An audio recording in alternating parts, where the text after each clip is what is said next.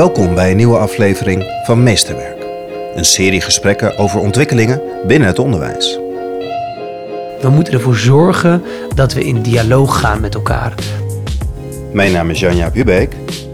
Dit is Meesterwerk. Welkom Karim in de podcast van Meesterwerk. Dankjewel. Tweede aflevering. We hebben al een keer eerder een gesprek gevoerd en toen heb jij verteld over dat jij bezig was met het schrijven van een boek. En ik heb zojuist van jou het boek gekregen. Morgen wordt die uitgebracht. Ja, Eh, het is zondagochtend vandaag. Buiten schijnt de zon heerlijk. We zitten in. Blijswijk, lekker. dichtbij waar je woont. Ja, zeker. En ik heb het hier vast, eh, Karim. Waarom moest dit boek geschreven worden? De titel van Radicaal naar Amicaal. Waarom moest jij dit verhaal kwijt? Ik ben zelf, eh, toen ik afstudeerde, ben ik niet in het onderwijs gaan werken. Maar is een vrij commerciële organisatie gaan werken.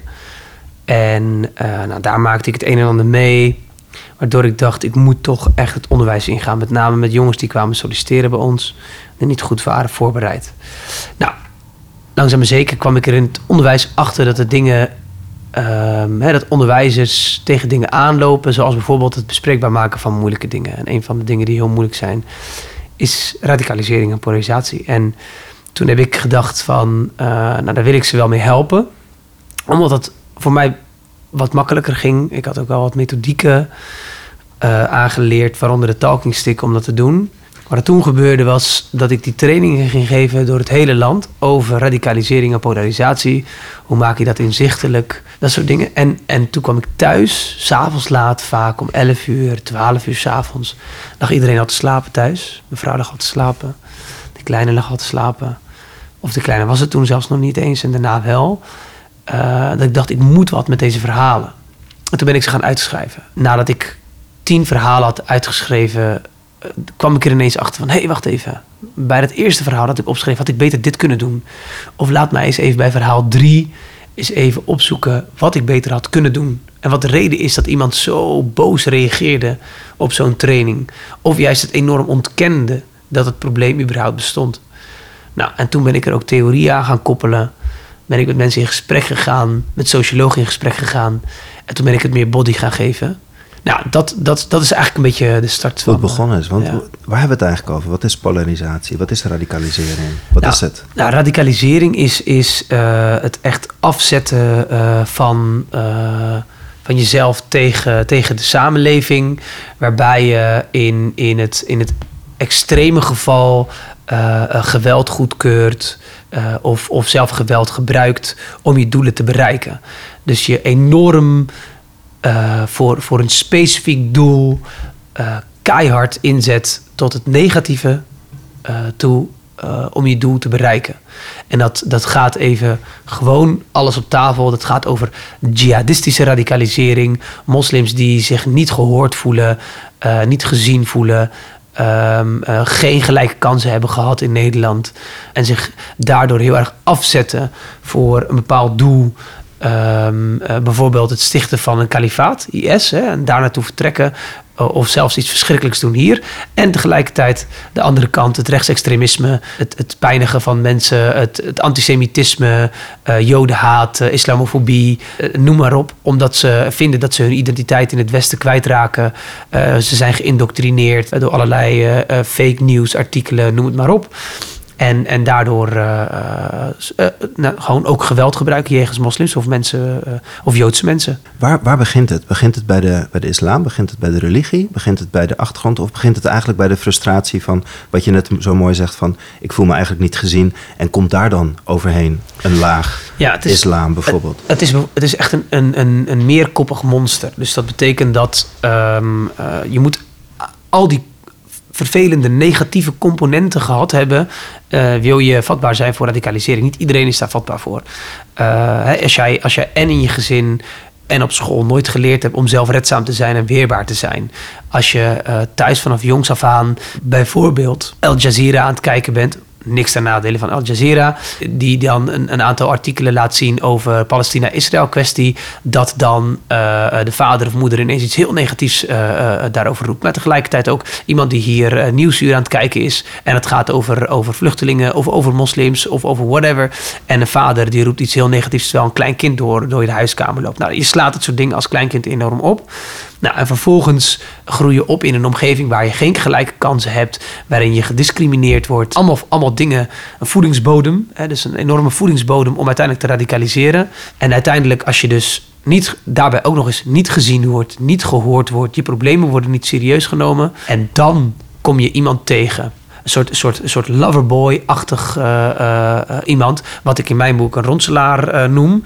Uh, nou, die dus, die dus gewoon heel slim, zoals een loverboy, een hand op je schouder zet en tegen je zegt van, nou ja, je hebt gelijk, hè. Uh, het Westen die, die wil ons kapot maken. Hè? Of tegelijkertijd kan iemand aan de andere kant zeggen: Ja, je hebt gelijk. Hè? Uh, de, de, Joden die willen ons uh, echt weg hebben. Hè? Ze, dat, dat complotdenken. Ja, wat, wat heel, erg, heel erg veel van de rechtsextremisten bijvoorbeeld hebben. Ja, die moslims die komen hier naar het Westen toe niet om, om te werken, maar die komen hier naartoe om ons land over te nemen. Of weet ik veel. Nou ja, als jij dus nooit zelfredzaam bent geweest, nooit kritische denkvaardigheden hebt geleerd, ja, dan kun je dat aannemen in al je pijn met een dikke voedingsbodem en dan radicaliseer je. Dat, dat, beschrijf je in je boek heel mooi met de, de visuele cirkel hè, van radicalisering. Ja. ja. ja. Wat me daarin in, uh, in raakt, is het deel angst. Ja. Je beschrijft nu eigenlijk al die cirkel, hè, van hoe je door die, door die visuele cirkel heen gaat, in, in, in dit geval. In hoeverre is, kan je dat angst duiden voor mij?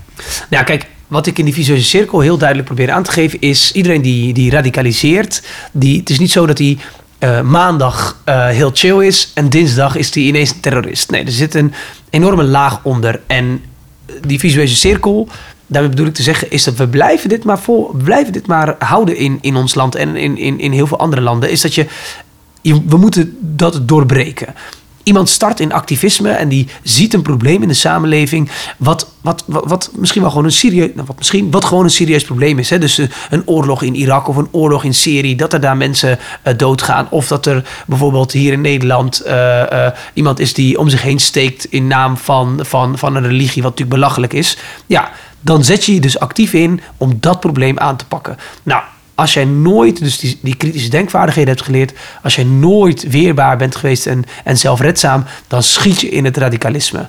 Eenmaal in het radicalisme, nou, dan ben je dus vatbaar om gevoed te worden door ronselaars, om geweld goed te keuren en om je ook actief in te gaan zetten om geweld te gebruiken en acties te ondernemen om uiteindelijk jouw doel te bereiken. Nou, dat, dat, kan, dat kan dus ook voor dierenrechtenactivisten zijn die geweld gebruiken om hun doel te bereiken.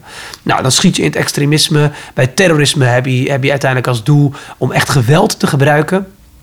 En zo creëer je dus angst bij soort de countergroep, de, de, de, groep tegenover je. Dus als je in, even in het geval van jihadistische radicalisering zit, nou ja, dus het activisme slaat door tot aan terrorisme en je pleegt een, een, een, een daad, een terroristische daad, uh, uh, je vermoordt daarbij uh, mensen, dan creëer je dus angst bij de westerse samenleving hier angst tegen, tegenover alles wat lijkt op dat wat, of diegene die zo'n aanslag gepleegd heeft. Dus alles wat op een moslim lijkt in dat geval, het maakt niet uit of het iemand is die zich heel positief inzet, daarvoor creëer je angst. En dat is wat eigenlijk de, uh, de mensen van IS bijvoorbeeld echt willen creëren. Die angst in de westerse samenleving voor de moslims, zodat iedereen ontwricht raakt van de samenleving. Nou, als alle uh, westerse Nederlanders bang zijn voor moslims, nou, dan creëer je dus enorm polarisatie.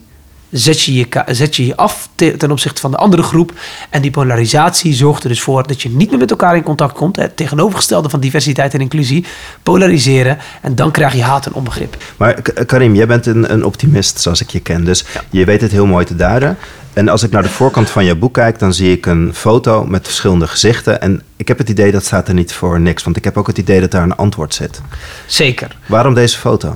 Nou, de foto die, die ik op de voorkant van mijn boek heb, is, is echt een foto wat staat voor het amicale gedachtegoed en niet voor het radicale gedachtegoed. Is dat je uh, heel erg moet verbinden. Verbinden vanuit de rijke diversiteit die we bijvoorbeeld hier in Nederland hebben. In de eerste opzicht, ten eerste omdat het menselijk gewoon even vanuit het hart belangrijk is om diversiteit en, uh, diversiteit en inclusie ruimte te geven. Uh, maar ten tweede ook gewoon omdat je er zelf rijkelijk door beloond wordt. Als je dus meer mensen ontmoet die anders zijn dan jij, dan doet dat ook wat met jouw intelligentie, je aanpassingsvermogen, je kritische denkvaardigheden, et cetera. Dus het is ook een enorme investering in jezelf als je mensen gaat ontmoeten die anders zijn dan jij. En diversiteit werkt twee kanten op. Hè. Het is niet alleen zo dat, ik zeg even, ik chargeer, de Westers-Nederlandse samenleving alles en iedereen maar om, moet omarmen en, en de niet-Westerse Nederlanders dat maar niet hoeven te doen. Nee, diversiteit werkt twee kanten op. En dat gaat dus heel erg ook over die voorkant. Het moet amicaal zijn. We moeten het vanuit vriendschappelijkheid, vanuit liefde en verbinding uh, omarmen en dan de problemen aan te pakken. Niet, niet radicalisering, dun, dun, dun, heel moeilijk en, en negatief neerzetten. Nee, we moeten dit samen aanpakken vanuit verbinding en liefde. En dan gaan we dit soort problemen echt aanpakken. En als je dan even terug gaat naar die cirkel, die visueuze cirkel die je net zo mooi uitlegt. Hoe kan je nou zo'n visueuze cirkel doorbreken? We, we, zitten bij jouw kantoor en hier zie je, we zien hier aan de muur zien we, zien we Rotterdam. Er zijn wijken in Rotterdam, er zijn wijken in, in Amsterdam en Den Haag. Uh, waar radicalisering gewoon een, een dagelijks thema is. Ja. Hoe kunnen we nou dit doorbreken? Waar zie je in, je, in die visueuze cirkel, zie je een, uh, een omleiding mogelijk zijn om dat amicale van jou te ontmoeten? Ja, dat zijn meerdere dingen, denk ik. Het is één, we moeten ervoor zorgen dat we in die wijken ervoor zorgen dat ze, die kids allemaal gelijke kansen hebben, net zoveel kansen hebben om te kunnen groeien en tot hun volle potentie te komen, als bijvoorbeeld in, in, in Wassenaar, Hilligersberg, uh, uh, noem maar op. Is één. Twee, we moeten ook in die wijken veel meer investeren, omdat dat dan blijkbaar ook daar veel, veel meer nodig is in kritische denkvaardigheden, zelfredzaamheid, et cetera. Maar het allerbelangrijkste is, is we moeten verbinding gaan creëren. We moeten ervoor zorgen dat we in dialoog gaan met elkaar. Dat, hè, dus bijvoorbeeld hè, een van de hoofdstukken in het boek gaat volledig over de talking stick methodiek. Een dialoogmethodiek die er echt voor zorgt dat je elkaar gaat ontmoeten van hart tot hart. En dat radicale verschillen echt bespreekbaar gemaakt gaan worden. Want op het moment dat we de moeilijke pijnpunten in de samenleving niet gaan benoemen en er maar een beetje omheen praten om sociaal wenselijk gedrag te vertonen. Want ja, je gaat het toch niet hebben over hele zware thema's als antisemitisme of islamofobie. Jawel, we moeten het er wel over hebben. En keihard ook. Want op het moment dat je het over die thema's gaat hebben, dan pas ga je shit oplossen. En um, nee, dat betekent niet dat je een wijk in moet stappen en om je heen moet gaan schreeuwen met we moeten het bespreekbaar gaan maken. Nee. De waarde van dialoog, de talking stick dialoog met name, is dat je eerst verbindt van hart tot hart. Dat ik eerst Jan Jaap echt ontmoet zoals hij is. dat ik weet van jou wie je bent, wie je kinderen zijn, wie je vrouw is en welke omgeving je bent opgegroeid. Dat je in Saudi-Arabië bent geweest, whatever, opgegroeid bent, overigens was het hè? Ja, klopt. Ja. dat, zijn, dat zijn serieuze dingen die jou in mijn ogen echt mens maken.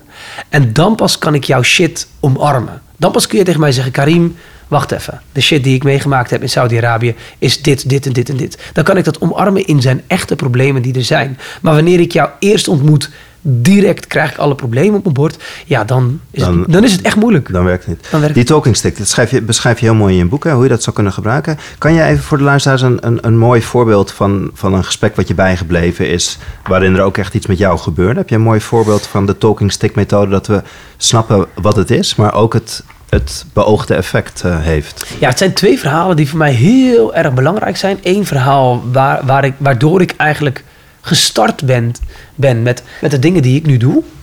Uh, dat is één vlak uh, na de aanslagen van Charlie Hebdo. Staat ook in het boek.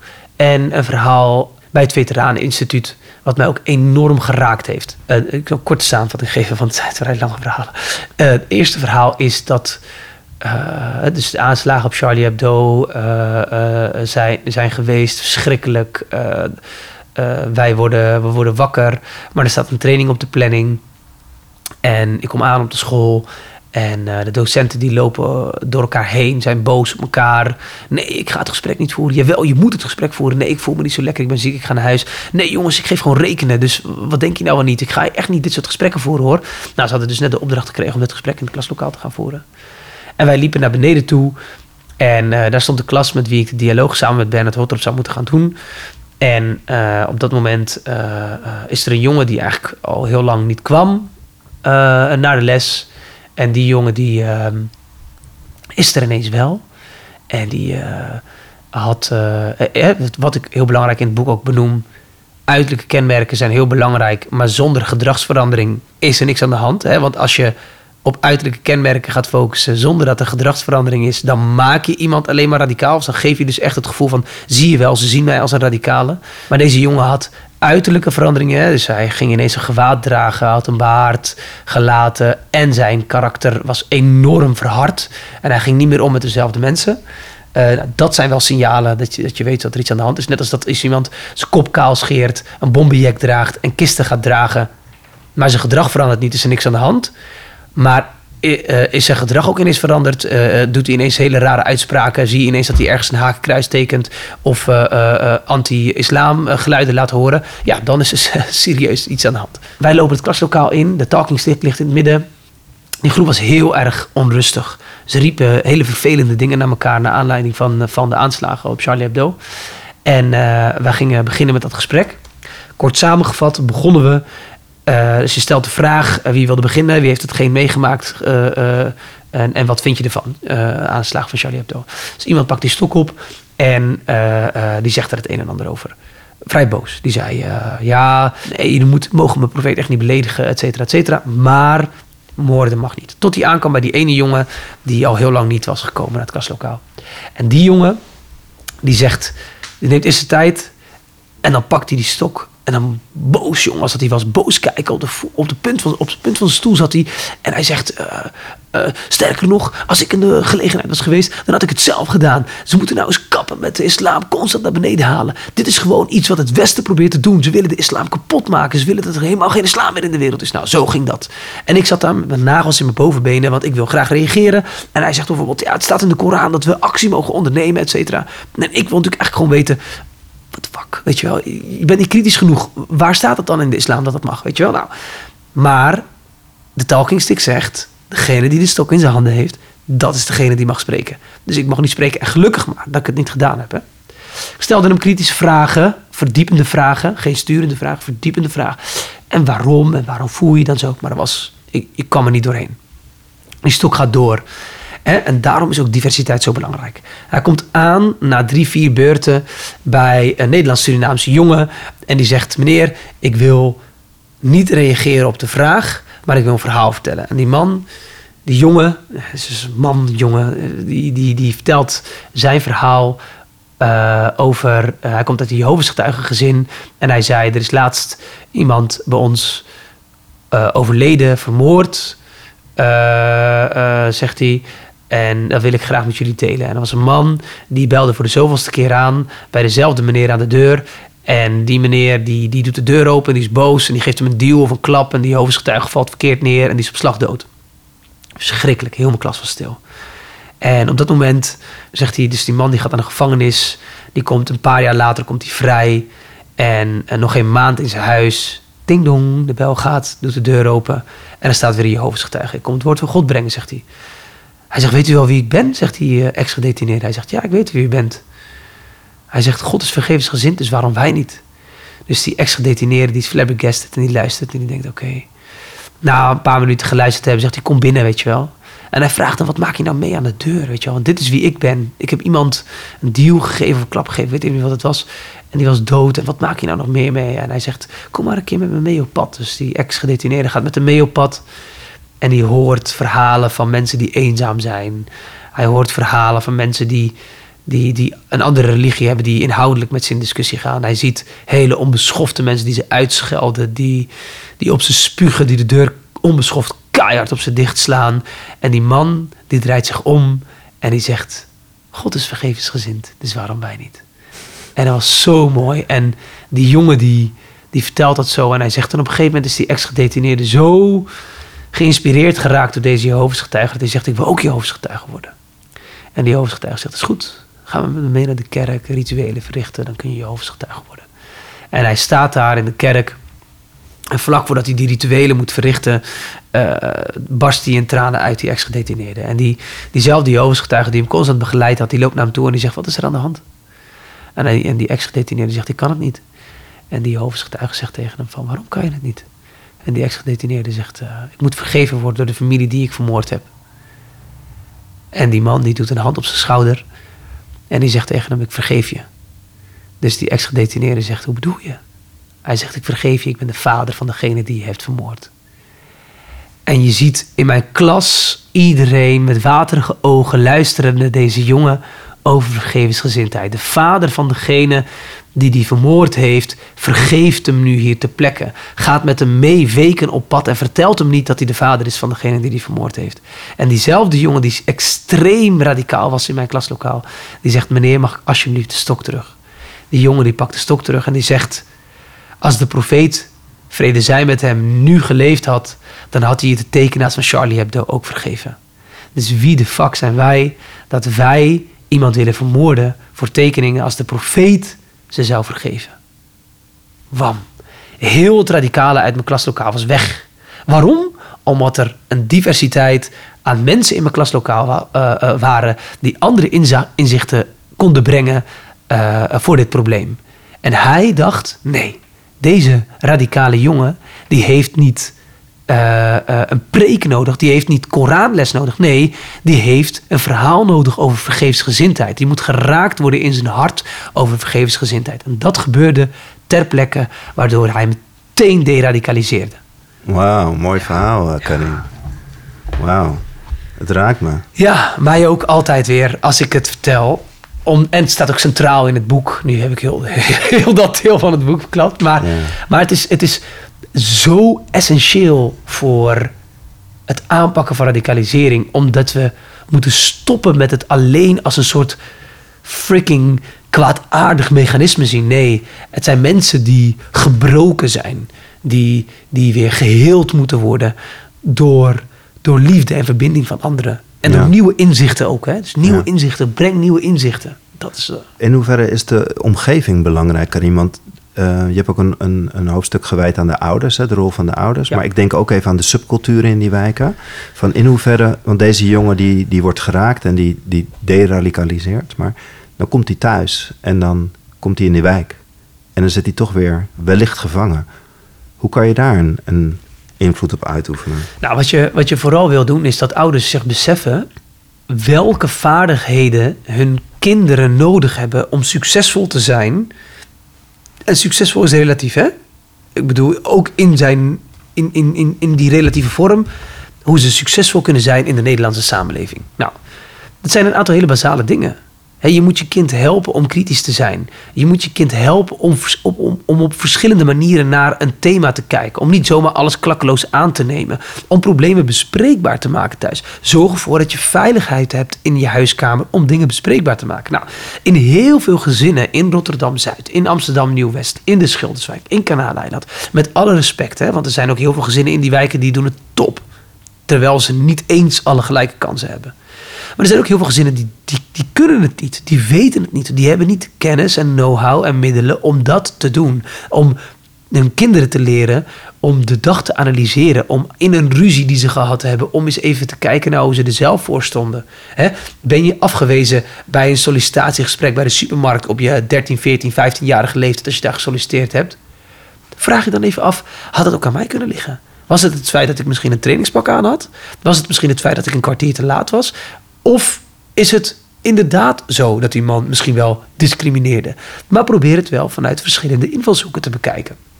Nou, dat is een enorm belangrijk iets. En tegelijkertijd moet je inderdaad jongerenwerkers, politie in die wijk. Dus het gaat niet alleen om de onderwijzer, om de docent. Het gaat ook om de politieagent. Het gaat ook om welzijnswerkers, jongerenwerkers in de wijk. Die moeten hun voelsprieten eigenlijk constant aan hebben als het gaat om kinderen die kinderen en jongeren die soort, soort gebroken zijn, die, die, die gezien willen worden, gehoord willen worden. Ik had in mijn wijk, hier in Blijswijk, had ik een hele goede wijk, heb nog steeds, is nog steeds wijkagent die man, Hans Enslin heet hij. Dat is een, is een goed voorbeeld van hoe een wijkagent dient te zijn. Dat was niet een man dat als je samenscholing, wat in een periode hier verboden was, die komt niet op je afgerend. Ja, hier komen allemaal. Nee, je wist dat als hij kwam, dat hij eerst met je ging praten.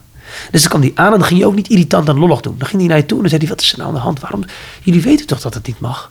En dan was het, ja, sorry, je hebt gelijk. En dan gingen we weg. Respectvol gingen we weg. En als er een andere agent kwam die die, die, die, die, die, vaardigheden niet had om goed met ons in gesprek te gaan, dan was het wegrennen, irritant doen. Ook ik op die leeftijd. Ook de opdracht aan wijkagenten om, om eigenlijk een soort af te stappen van, van ego-bullshit, trots, van ik ben een agent en ik moet het hard aanpakken. Dat je ook die zachte vaardigheden leert, die, die waardevolle soft skills leert, om met dit soort jongeren om te kunnen gaan, om ze aan te voelen wat ze nodig hebben. En ja, sommige mensen hebben discipline nodig. Dat ontken ik niet. Sommige mensen hebben gewoon discipline nodig. Punt.